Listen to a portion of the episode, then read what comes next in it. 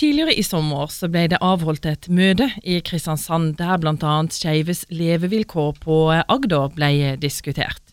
Sørlandet har utfordringer på dette området, det viser også en levekårsundersøkelse. Herman Odderstøl Rasmussen, du er i Agder Unge Høyre og engasjert i dette temaet her. Hvordan er det egentlig å være skeiv på Sørlandet?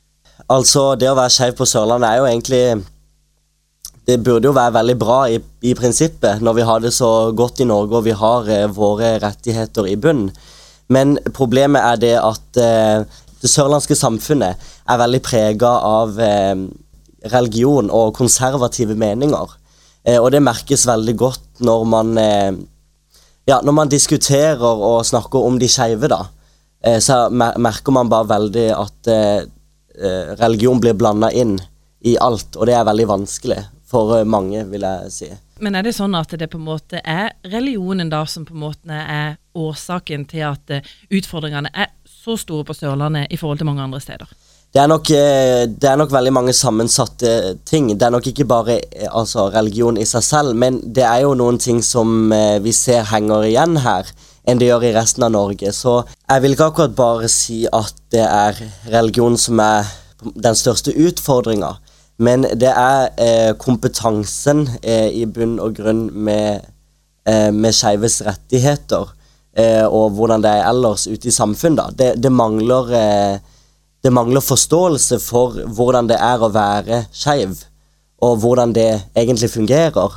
Det er, det er ikke så veldig mange eh, som jeg opplever har, har den kompetansen om hva det vil innebære å være skeiv.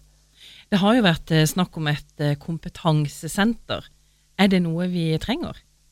Ja, altså, vi trenger jo noen som kan gå foran her i Agder og eh, ta den eh, rollen i samfunnet.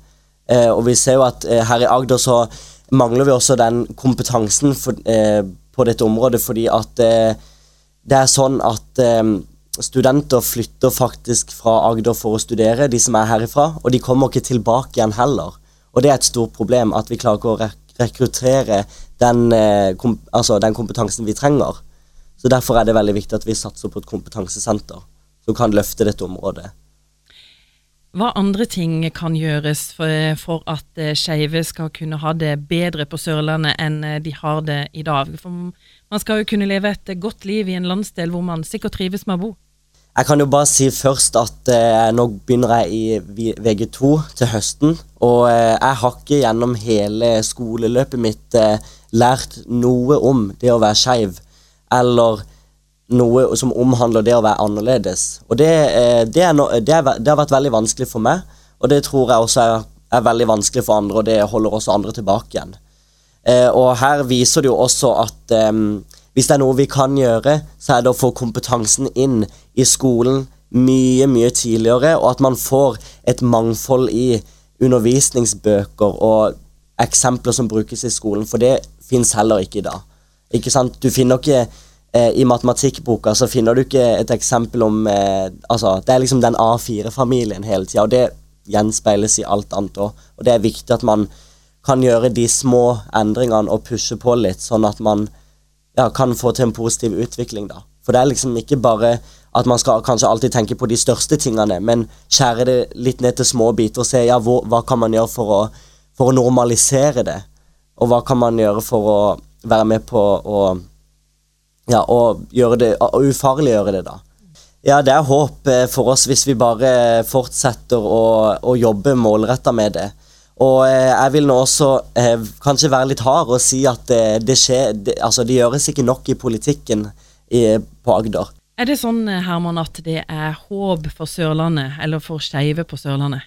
Ja, det er det absolutt, og vi ser at det er en positiv utvikling. Selv om det kan virke som at det er en veldig negativ utvikling, så, så er det faktisk ikke sånn. Men det går mye, mye seinere her enn det gjør i resten av landet.